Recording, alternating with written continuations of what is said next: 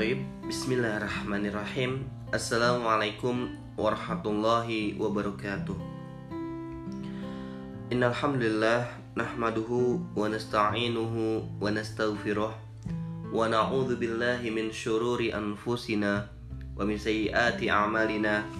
May yahdillah falamudillalah Wa may yudlil falahadiyalah Asyhadu an la ilaha illallah wa anna Muhammadan abduhu wa rasuluhu la nabiyya wa la rasula ba'da amma ba'du.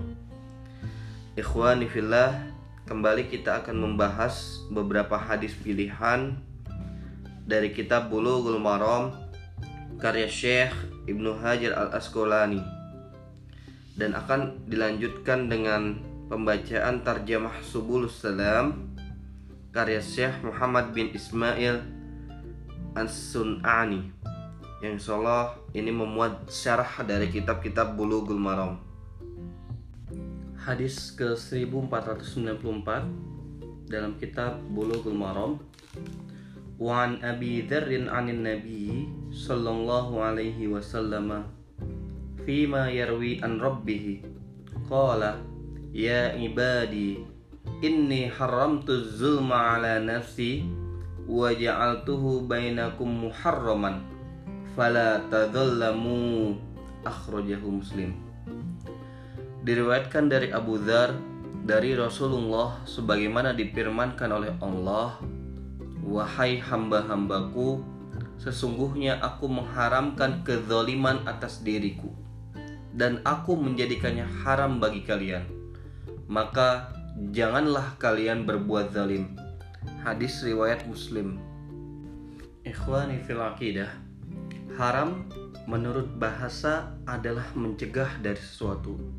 Sedangkan menurut syara atau istilah atau syariah ialah sesuatu yang jika dikerjakan pelakunya mendapatkan hukuman atau siksa atau kalau misalkan di dalam Islam dikatakan mendapatkan dosa Nah, al-zalim atau kezaliman itu adalah sesuatu yang tidak sesuai dengan iradah Allah Subhanahu wa taala.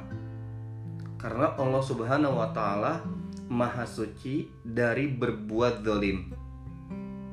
Lalu penggunaan lafal tahrim di sini adalah karena keserupaannya terhadap yang dicegah dengan segala ketiadaan sesuatu atau keserupaannya dari kezaliman itu sendiri.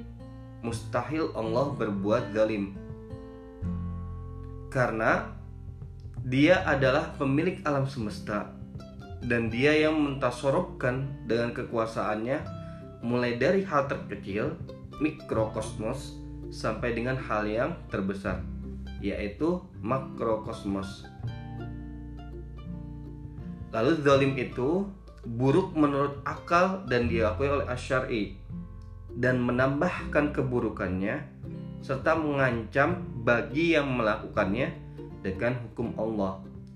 Lalu dalam firman Allah dikatakan waqad khaba man hamala zulma surat Toha ayat 111 dan sesungguhnya telah merugilah orang yang melakukan kezoliman.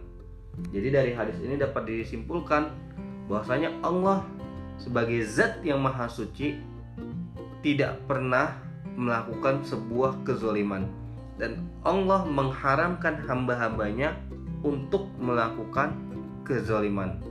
Haram di sini dalam tanda kutip adalah apabila kita melakukan kezoliman maka akan dibalas dengan hisab dan juga siksa yang amat sangat pedih dari Allah Subhanahu wa taala.